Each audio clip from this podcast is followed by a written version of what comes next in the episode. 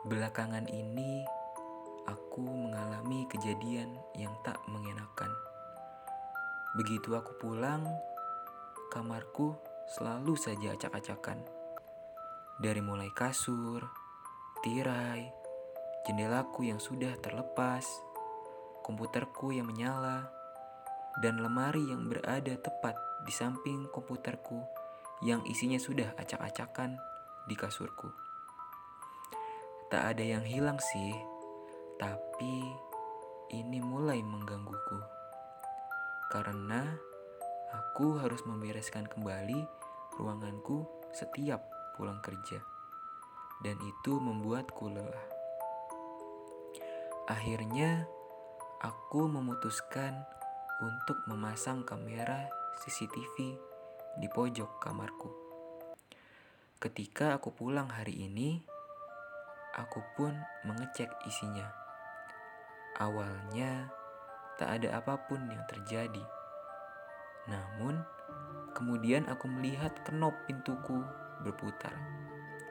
Pintu kamarku terbuka, dan seorang wanita sambil membawa pisau daging di tangannya masuk ke dalam kamarku. Sambil tertawa-tawa, ia mengobrak-abrik seisi kamarku dan kemudian bersembunyi di dalam lemari. Di dalam video, seseorang kembali memutar knop pintu dan membukanya. Ternyata itu aku. Bersama Reza, Amani Robin dan Nadila cuma di podcast bener. benar.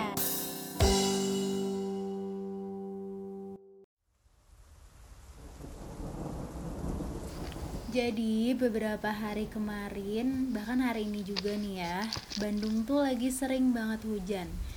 Hmm, Mau pagi-pagi atau sore-sore. Kalau misalnya hari ini sih tadi itu sore-sore.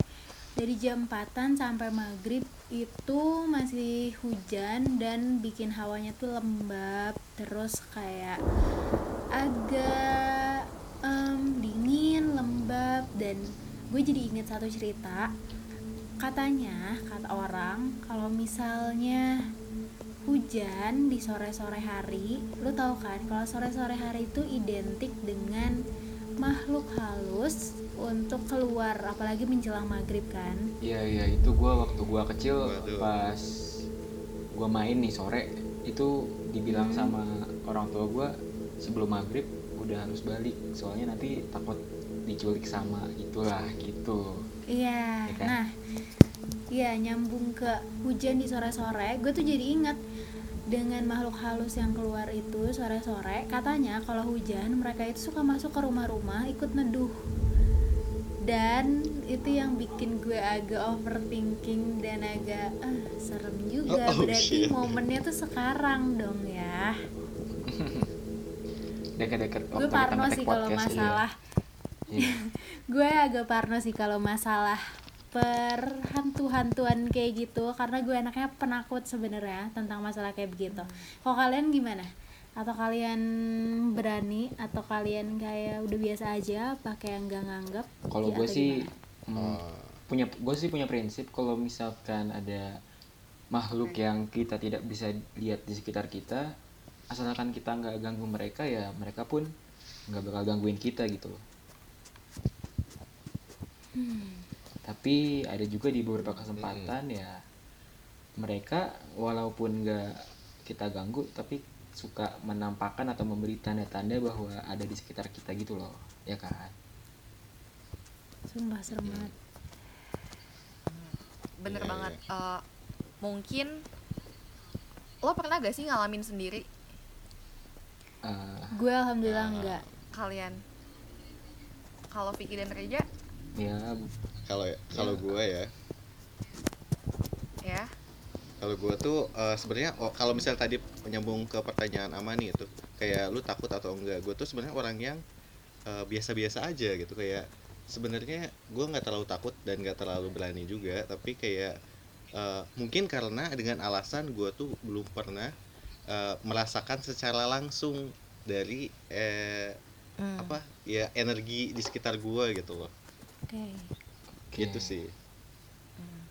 Gue juga beberapa kali ya sekali dua kali tiga kali lah ngelihat langsung pernah. Terus teman gue cerita juga banyak gitu.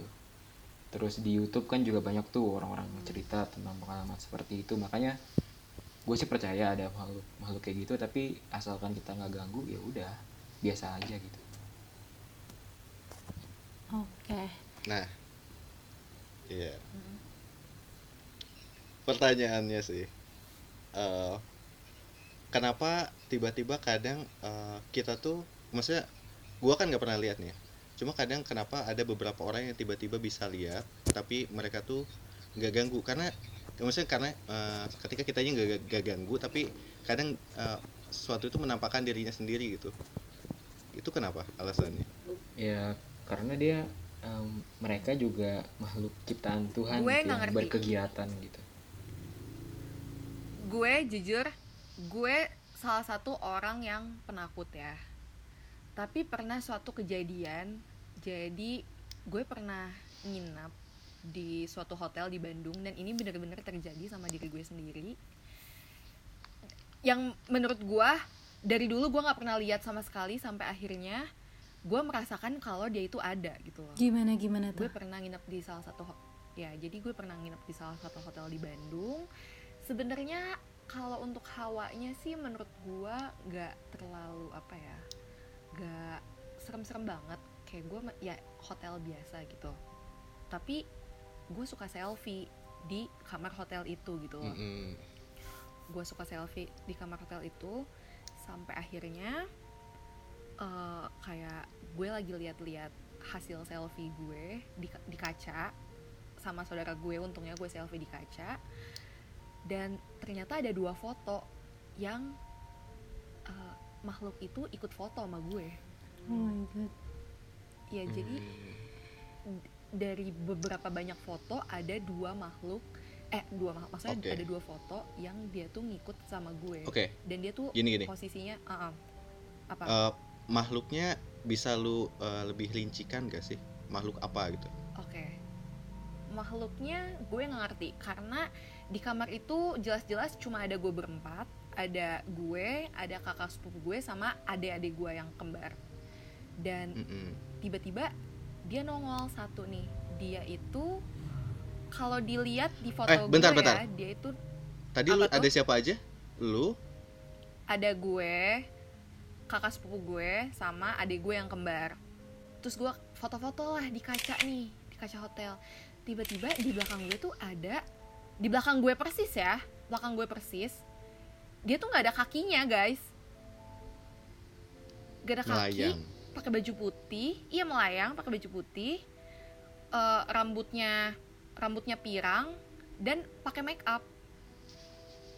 Lu serem pakai banget make up apa? gitu dan dia dan dia tuh mungkin mungkin noni Belanda dan dia tuh munculin cuma matanya aja guys. Jadi mata mungkin sama bajunya dikit ya sama rambutnya. Dan udah tuh akhirnya gue minta kejelasan pihak hotel.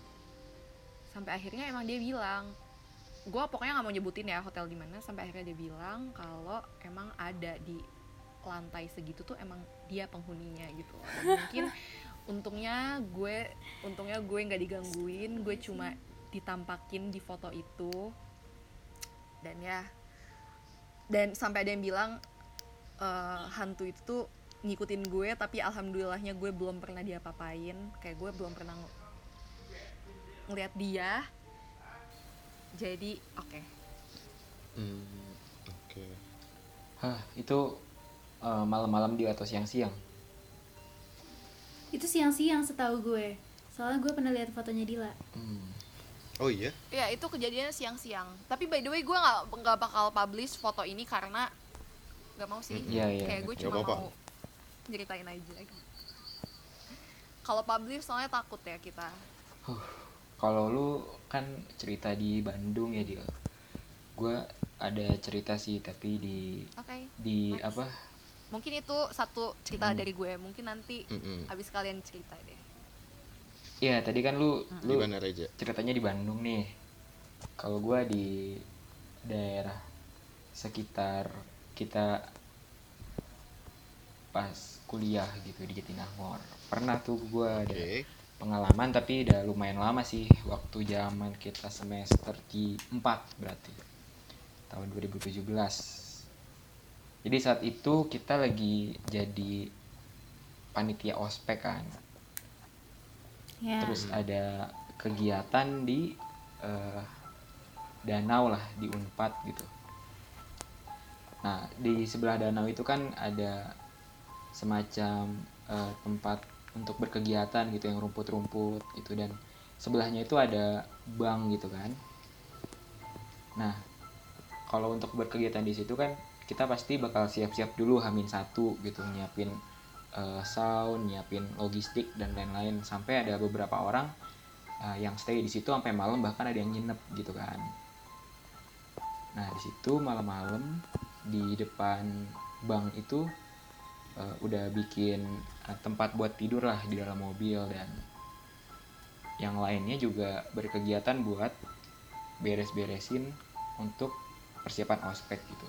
Nah di bank itu kan pasti kita ada kegiatan namanya trekking gitu ya. Untuk eh, jalur-jalur yang dilewatin untuk ospek kita susurin satu-satu. Dan di situ gue juga udah ngeliat ada apa ya sesajen lah mungkin istilahnya.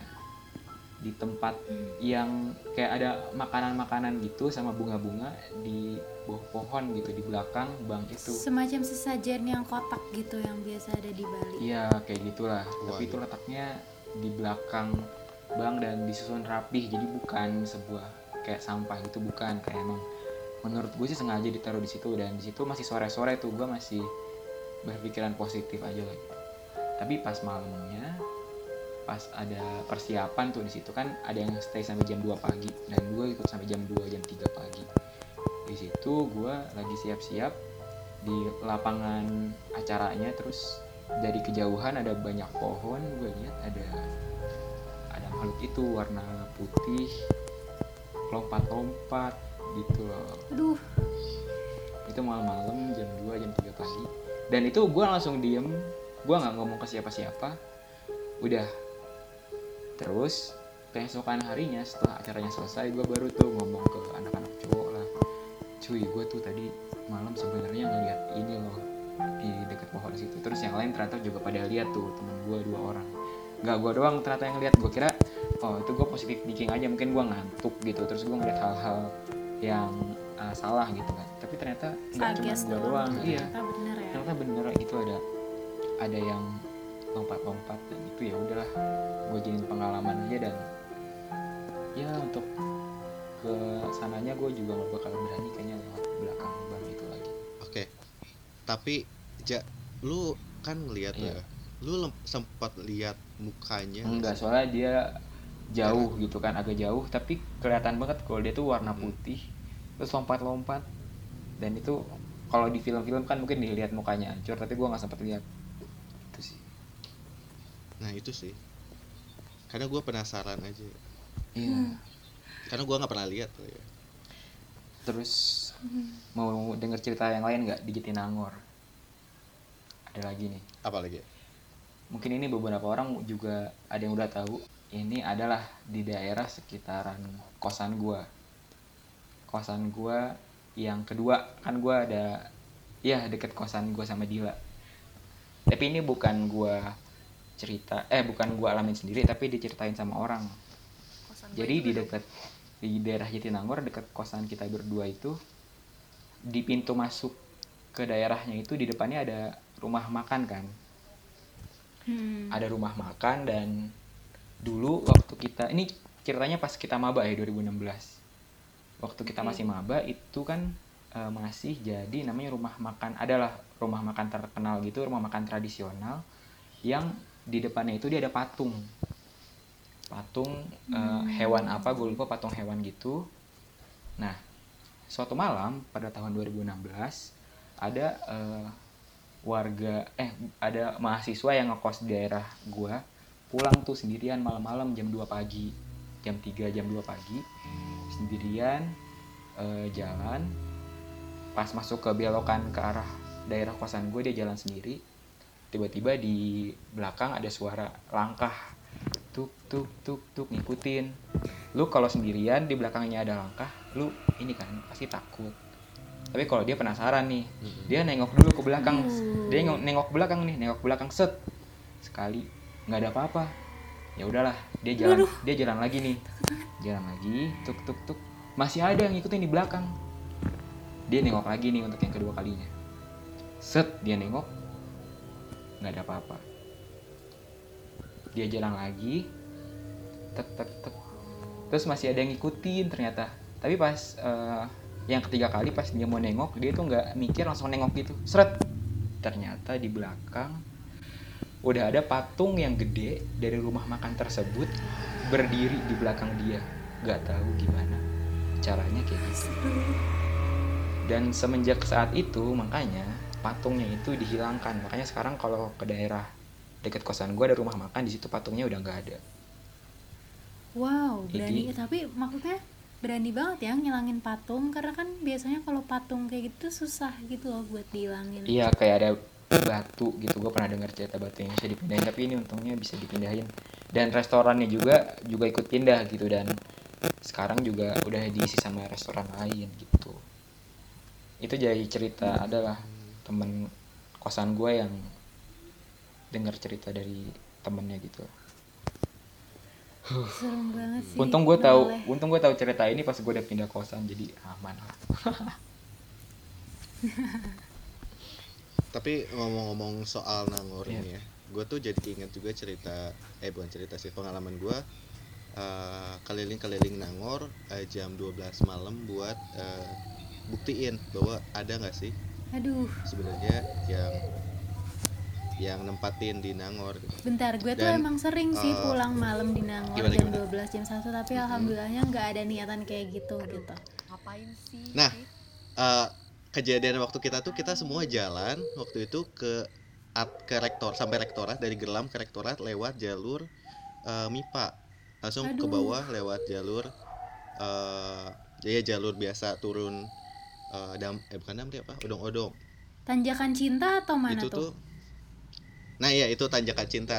Eh, pokoknya nanti gue ceritain di tanjakan cinta tuh ternyata ada sesuatu gitu ya pokoknya gitu ya. Tapi kan eh, ketika gue maksudnya gue tuh mau, mau buktiin ya kayak ada nggak sih sebenarnya yang yang berani nunjukin dan orang bilangnya kad- kadang di Nangor tuh terutamanya ya di eh, apa di kampusnya tuh kadang beberapa ya ada yang punya banyak cerita-cerita mistis gitu terutama di fakultas-fakultas tertentu tapi ka- karena udah malam gue nggak berani buat masuk ke fakultas gue eh, jadinya hanya lewat area jalannya aja yang pertama gue masukin dulu lewat jalur eh, ini tahu gak sih yang jalur MIPA yang pohon-pohon bambu yang depan psikologi Yang gelap banget, psikologi. yang serem. Mm-mm. Oh ya waktu itu gue lah waktu Iya sih. Karena nah itu ya mm-mm. waktu itu gue gue berempat nyetir sendiri eh, aja. sama di situ gue temen-temen nggak gue, berani gue- eh, yakinin aja kalau misalnya ada apa-apa minimal eh, satu orang ketangkep tiga orang bisa selamat gitu ya. Jadi gue selalu di belakang. Tapi eh, alhamdulillahnya tidak apa nggak ada apa-apa. Tapi gue gue nggak apa-apa. Cuma beberapa teman gue yang sensitif tuh ngerasa ada sesuatu yang ngikutin gitu dari area situ gitu. Dan pengalaman gue di daerah di daerah eh, hutan bambu yang di depan psikologi itu gue pernah naik. Ini sebelum sebelum gue jalan-jalan jam 12 itu ya karena gue ngerasa waktu gue pergi waktu itu jam 8 malam naik ke atas ke F-tip lewat pohon bambu itu gue naik motor belakang gue kosong gue ngerasa motor gue lebih berat dan kayak ada yang pegangan di pundak gue gitu waktu itu. Tap- tapi tapi kayak gue orangnya positif thinking kayak ini bukan ada apa-apa makanya gue pengen buktiin. Ikut bang ke atas tapi bang. ketika kita ber iya mungkin kayak gitu. Kita berempat eh, di situ kita coba foto-foto kita coba lihat fotonya nihil nggak ada apa-apa. Nggak tahu kenapa. Langsung dari itu kita eh, naik ke rektorat waktu itu udah sampai jam 1 karena kita saking lamanya naiknya. Eh, nggak ada apa-apa juga. Tapi waktu kita balik nih kita balik dari daerah rektorat eh, lewat jalur eh, turun Damri lewat geologi lewat Faperta belakang lewat eh, area lab lab ya lab Unpad sama area perpus Unpad. Itu tuh serasa ada yang kayak kita tuh gak berempat doang. Kayak kita tuh ada sesuatu yang kita tuh sa- saling lihat satu sama lain kayak ini tuh emang cuma berempat atau kita ngerasa kayak kita banyak ngumpul orang? Kayak seakan-akan banyak yang ngikutin kita di belakang tapi kita nggak nyadar. Dan akhirnya kita berhenti dulu di daerah tanjakan cinta. Karena eh, salah satu dari orang kita ngerasa kayak dia mulai gelisah gitu. Dan orang yang gelisah itu akhirnya cerita ke kita waktu kita duduk-duduk di situ. Eh, kalau mau sekarang kita pergi dari sini karena dia ngelihat sosok sesosok bayangan yang gede banget di area eh, perpus unpad yang kayak nyuruh kita buat balik. Waktu itu udah jam 2 malam. Dan dan teman gua udah ngerasa kayak dia nggak bisa lagi dia nggak tahan. Dan anehnya tuh suasana di sana tuh yang asalnya dingin biasa dingin angor semakin dingin lagi gitu kayak kayak bulu kuduk lu tuh berdiri banget gitu. Waktu walaupun waktu itu gue nggak nggak terlalu percaya juga gitu buat ngelihat hal-hal yang kayak gitu tapi akibat teman gue yang bilang bahwa ada sesosok bayangan yang gede di belakang kita kayak kita jadi was-was akhirnya kita langsung balik ke kosan kita mandi langsung kita coba berdoa dulu sebelum buat sebelum tidur karena takutnya gini loh. Beberapa kejadian kadang hantu tuh bukan hantu ya orang sesu- sesuatu yang ya makhluk yang nggak kasat mata tuh bisa ngikut di diri kita gitu sih sampai kita balik gitu. Eh, dan akhirnya setelah itu untungnya eh, kita semua eh, percaya aja bahwa eh, maksudnya semoga aja nggak ada apa-apa yang terjadi sama kita dan alhamdulillahnya aman sih. Jadi kayak itu sih pengalaman gue yang paling gue rada was-was. Karena gue kadang lebih takut juga sama sesuatu yang bukan setan gitu yang bukan eh, lebih ke orang atau apa gitu. Begal. Ya mm-mm, begal atau apa gitu. Dan tapi untungnya nggak nggak sih. Nggak nggak kejadian yang eh, parah kayak sampai kesurupan deh kakak gitu. Aduh. Ya tapi lu jam 2 malam sih Fik iya sih. Nggak tahu sih itu memang pengalaman aja kali ya. Tapi ngom ada yang ya ini jujur gue tuh penakut dan gue alhamdulillahnya belum pernah nggak pernah juga dihadapkan dengan em, cerita yang kayak gitu. Tapi ada satu cerita dari uwa gue. Uwa tuh kakaknya mama Iya. Aduh takut banget gue ceritanya juga sumpah. Jadi gue cerita cepet aja deh. Jadi jadi udah lama banget ceritanya eh, waktu dia tinggal di Gorontalo di Sulawesi. Jadi waktu itu kondisinya dia lagi hamil hamil anaknya. Terus suaminya itu harus pergi dinas perginya tuh malam-malam. Pergilah tuh malam-malam dari rumahnya udah pergi terus kan jadi dia di rumah tuh sendiri ya berarti cuma sama bayinya di dalam perut. Iya. terus em, ada yang ngetok-ngetok tuh. Ada yang ngetok-ngetok kirain kan suaminya balik lagi ya takut. Eh maksudnya kirain suaminya balik lagi ada yang ketinggalan apa gimana. Ternyata pas lihat di ketok-ketok di pintu tuh nggak ada siapa-siapa. Pas dengerin ada lagi yang ngetok-ngetok ternyata ketok-ketoknya itu dari jendela. Hmm. aduh takut banget demi apa. Nah habis gitu udah dia buka jendelanya eh, udah dia bukan yang ngetok-ngetok jadi dari jendela kan? Dia pikir mungkin suaminya tadi habis dari pintu tapi nggak dibukain akhirnya ngetok-ngetok ke jendela. Ternyata pas dibuka di jendela ada sesosok makhluk ada sesosok makhluk em, perempuan ada sesosok makhluk perempuan yang ngetok-ketok dan langsung nampakin dirinya gitu aja. Gitu. Ceritanya. Jadi bukan suaminya yang balik lagi ngetok-ngetok tapi perempuan itu ngetok-ngetok dari di jendela dan dia benar-benar ngeliatin dirinya di balik jendela itu. Itu di rumah ya Mia itu di rumah. Terus gimana itu? Takut wah lu dia langsung teriak atau tenang atau gimana? Kayaknya kelanjutannya sih langsung teriak ya. Soalnya sendiri nggak sih? Iya sih. Eh, tapi kebetulan emang uang gue yang itu tuh emang agak emang apa ya Agak mungkin bisa ada keturunan bisa ngeliat gitu. Hmm. karena waktu akhirnya dia udah pindah nih ya ke Bandung ke daerah Sumedang. Rumahnya waktu itu di daerah Sumedang. Terus dia itu sama suaminya waktu itu em, ninggalin rumah di situ sama anak-anaknya juga. Dan ternyata emang rumahnya itu sehoror itu ada cewek lah yang suka nampakin diri dan segala macam. Tapi karena nggak ganggu ya udah sama mereka didiamin aja. Tapi akhirnya karena eh, mereka mau pindah dari yang Sumedang itu ke Bandung pas mau pindah seminggu sebelum pindah em, hawa tuh makin dingin makin lembab dan makin gak enak kayak gitu ternyata si makhluk-makhluk halusnya itu semakin sering lagi ngeliatin diri semakin sering ngeliatin diri dan kata orang sih katanya itu karena makhluk halusnya itu tahu kalau misalnya mereka mau pindah dan mereka nggak suka kalau misalnya eh, rumah itu bakal dipindah bakal ditempatin lagi sama orang lain. Tapi kan emang mau pindah ya gimana Iya. ya ya gimana kan emang pengen pindah gitu. Terus akhirnya kayak dua hari terakhir wa gue sama eh, suaminya berpikiran buat ya udah deh nginep terakhir di sini.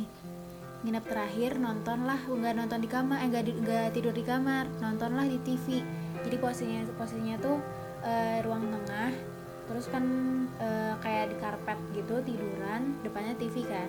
Tapi di sebelah kiri itu tangga. Aduh sebelumnya takut banget. Tangga terus habis gitu dari sisi mata gua gue aja kelihatan di tangga tuh ada yang duduk Mm-mm. cewek. Dan emang ini sosok yang paling sering banget nampakin diri.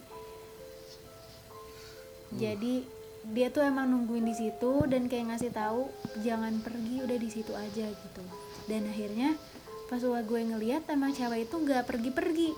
Kan biasanya kalau misalnya ada kayak gitu dilihat langsung pergi kan? Iya Nah ini dilihat dari pinggir mata tuh kelihatan pas dilihat dia tetap di situ dan gak pergi-pergi. Dan akhirnya jadinya uang gue yang pergi dan gak jadi tidur di situ buat terakhir kalinya.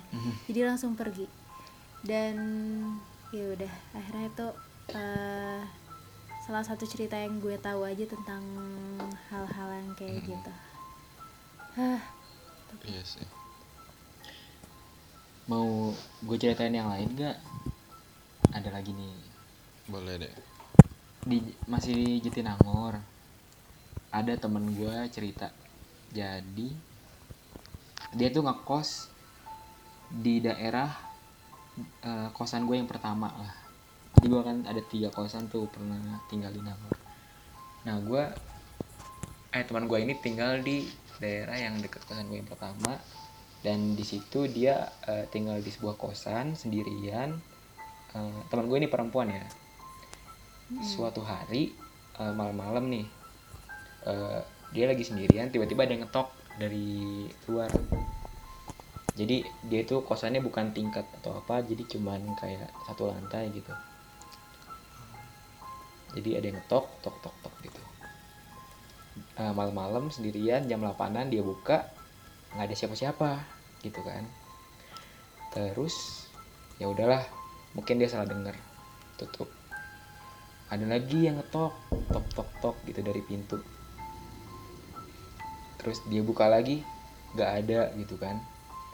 Terus akhirnya dia ya udahlah dia buka lah agak lama gitu pintunya malam itu. Ternyata nggak ada apa-apa tuh di malam itu. Nggak ada yang ngetok nggak ada yang apa nggak ada makhluk nggak tahu nggak ada orang juga. Dia tutup lagi pintunya udah gitu nggak ada lagi tuh yang ngetok gitu kan. Nah itu kan jam 8 terus dia mau tidur tuh jam 11 atau jam setengah 12an pas dia mau tidur dia kan kalau tidur terbiasa buat matiin lampu tuh kan. Aduh gue banget kalau mati terus lampu, udah dia mau tidur udah siap tidur dia mau udah matiin lampu udah mau tidur tiba-tiba dia tuh ini ada ngerasa kalau di ruangan dia tuh dia nggak sendiri gitu loh. Dia nggak sendiri. Terus niat dia tuh mau ini kan mau nyalain lampunya lagi gitu kan untuk memastikan. Tapi pas dia mau bangun dia lihat dari selimut ngintip sedikit gitu. Ternyata di kamar dia ada kursi dan di kursi itu ada yang duduk. Perempuan rambut panjang kayak udah gitu duduk aja. Terus dia akhirnya aduh bingung kan mau ngapain. Udah dia nyoba tidur. Ya udahlah dia tidur gitu. Terus besok paginya untung udah nggak ada gitu kan. Terus eh, udahlah itu cerita malam itu dan besoknya ternyata nggak muncul. Tapi gua tanya itu dia muncul di sana sekali doang atau ada lagi? Terus dia bilang ada lagi ja gitu. Pas kapan tuh? Terus dia cerita lagi. Jadi suatu ketika setelah kejadian itu beberapa hari atau beberapa minggu setelahnya temen dia nginep nih. Nginep di kosan dia. Jadi di kosan dia tuh berdua kan sama temennya gitu. Pas mau tidur si yang punya kosan itu teman gue cerita eh gue pernah ada pengalaman horor nih di sini gitu dia ceritain kejadian yang tadi gue ceritain kan terus kata temennya udahlah tenang aja ada gue kok di sini berdua nggak bakalan ada kok gitu. Mungkin karena sompral atau karena apa ya nggak tahu. Ya udahlah udah mereka mau tidur si yang punya kosan itu matiin lampu. Terus pas yang kosan itu yang punya kosan itu mau tidur masuk ke selimut temennya itu kan eh, jadi yang punya kosan tidur di kasur yang di kosan terus yang temennya yang nginep tuh ada kasur kecil gitu emang buat orang nginep. Terus yang temen yang datang ke kosan itu bilang kalau tuh kan nggak ada apa-apa kan gitu. Udahlah mereka tidur gitu. Keesokan paginya yang punya kosan itu dia cerita ke yang temennya yang baru nginep. Eh, sebenarnya semalam tuh gue langsung tidur soalnya dia menampakkan diri. Terus temennya yang nginep tuh bilang ah di mana aku ngelihat dia bukan di kursi lagi bukan di meja tapi tiduran di sebelah kamu. Terus temennya shock gitu kan ah masa sih? Iya terus kata yang punya kosan udah tenang aja kok nggak apa-apa dia cuman muncul doang nggak bakal ganggu gitu. Pas gue tanya jadi lu pindah kosan atau enggak sih? Gitu. setelah kejadian itu terus kata dia enggak kok jangan apa-apa dia cuma duduk kok nggak ganggu jadi ya udahlah gitu dan dia cuman ya muncul setahun temen gue di sana dua sampai tiga kali lah jadi nggak sering-sering banget. Dan dia juga udah Aduh. biasa. Jadi gitu sih. Jadi intinya kalau dia nggak ganggu mah ya udah biarin aja gitu. Dan kita juga jangan sombong gitu ke Iya. suatu tempat yang ada kisah mistisnya jangan sompral jangan sombong gitu. Malah takutnya dia malah terpancing gitu buat muncul ya kan? Gue makin merinding. Iya, iya. dan Dila juga udah nggak kuat. Iya. lu ini beneran beneran. Ya Dila kok diem aja nih. Gue lepas headset dari tadi by the way. Eh, tapi tapi seriusan nih eh, nggak tahu kenapa eh, gua di gue sendirian nih di kamar ya kayak lebih ngerasa j- was-was aja kayak kok lebih dingin suasananya. Karena setahu gua tuh kalau misalnya kita cerita soal soal soal hal yang begini terutama yang lebih yang spesifik gitu soal eh, keadaannya gimana bentuknya kayak gimana tuh kadang eh, sesuatu yang ngerasanya tuh kadang eh, ikut ke kamar kita buat dengerin juga gitu setahu gua gitu walaupun yang ngerasanya tuh bukan hantunya tapi hantu orang lain hantu sekitar lu tapi dia ngerasa bahwa dia yang diceritain tuh gitu. dan btw eh, kalau boleh cerita se- area rumah gua tuh banyak rumah kosongnya ya karena memang bukan bukan eh, perumahan yang populer dan gue punya cerita salah satunya ketika gua kecil di eh, area perumahan gua. Karena eh, menurut gue ya han- maksudnya sesuatu yang menakutkan tuh adalah ketika sesuatu yang terjadi di eh, rumah lu atau enggak di area rumah lu. Karena itu tempat lu tinggal gitu. Di mana lu, lu kalau misalnya di area tempat lu tinggal aja lu ketakutan bagaimana lu bisa tenang gitu di eh, di area rumah lu pernah suatu kejadian di eh, area rumah gua ada eh, salah satu rumah yang gede banget tapi entah kenapa selalu kosong atau minimal yang nempatin tuh nggak pernah lama. Nggak tahu akibat apa nggak tahu karena apa cuma setahu gua pernah di sana tuh pernah kejadian eh, beberapa hal mistis. Salah satunya tuh setiap malam entah entah malam Jumat entah, malam apalah pokoknya eh, beberapa malam lah yang nggak setiap malam juga kali ya kan itu rumahnya eh, gede ya dua tingkat dan di mana setahu gua eh, tangganya tuh berisik banget. Di mana tangga kayu tau nggak? Berdecit yang kalau lu naik satu ya berdecit banget gitu kan. Dan setiap malam kalau lu tidur di sana selalu ada suara suara decitan tangga naik ke atas eh, lantai ke atas rumah. Entah kenapa. Dan pada suatu kejadian juga kadang kalau lu tidur di bawah suaranya itu dari atas ke bawah gitu. Jadi kayak berbalik gitu loh ke atas kalau lu ya kalau lu di atas lu dengarnya kayak suara yang naik tangga. Tapi kalau di bawah lu dengarnya suara yang turun tangga. Dan kadang itu kan perumahan yang gede kadang butuh eh, apa kayak tukang bersih bersih tukang kayak pembantu atau apa. Dan pernah suatu kejadian eh, salah satu pemilik rumah tuh oh, nanya eh maksudnya teriak ke area dalam rumah buat nanya pembantunya dia mau beli eh, bakso atau enggak? Karena di situ lagi ada tukang bakso. Eh, teriaklah si eh, pemilik rumah mbak mau bakso enggak? Dan eh, tiba-tiba ada yang jawab tapi suaranya lebih berat dibandingkan pembantunya. Dia bilang nggak mau. Padahal waktu itu mbaknya itu lagi nggak nggak ada di rumah. Dan itu salah satu momen hening di area eh, area rumah gua kayak orang-orang tuh nggak percaya cuma orang-orang tuh satu sisi percaya juga karena rumahnya tuh memang rumah kosong gede dan nggak jarang ada penghuninya gitu jarang diurus jarang di jarang ditempatin dan malah tempat-tempat kayak gitu yang kadang jadi eh, tempat buat orang eh, makhluk-makhluk halus tuh nyaman gitu di situ yang yang lembab yang nggak urus gitu. dan waktu itu waktu gua kecil eh, gue sempat main buat lihat ke lubang pintu eh, rumahnya sama tiga teman gue gue lihat teman pertama teman gue yang lihat dia katanya ngelihat eh, rumahnya tuh kosong. Rumahnya kosong dan eh, berdebu nggak ada orang. Anehnya teman gue yang kedua ceritanya dia ngelihat rumah itu kosong tapi ada eh, kain putih di tengah-tengah eh, ruangannya. Gue bingung itu kenapa bisa dia bisa lihat kain. Dan anehnya ketika gue lihat eh, area eh, ke lubang kuncinya tuh gue lihatnya tuh eh, kayak gelap yang gulita banget gitu. Jadi ku- kita tuh bingung satu sama lain kenapa kita bisa lihat yang beda satu sama lain? Kayak ini cuma mata kita yang aneh atau kayak eh, rumah ini kayak mempermainkan kita dari ngelihat nge- penglihatan kita gitu. Dan itulah momen di saat itu juga untungnya tetangga langsung keluar langsung marahin kita dan katanya jangan balik lagi karena takutnya eh, penghuni di sana ngikutin anak-anak sampai ke rumahnya masing-masing. Dan itu momen di mana gue nggak mau eh, aneh-aneh lagi lah. Padahal gue tadi baru aja ke Nangor jam 12 sih tapi ya udahlah. Mungkin gue emang orangnya aneh-aneh gitu. Jadi mencari tantangan. Itu Emang sih yang paling gue simpul, yang bisa gue simpulin, yang paling suka uji nyali itu Vicky ya. iya. Mungkin penasaran sih. Mencari tantangan.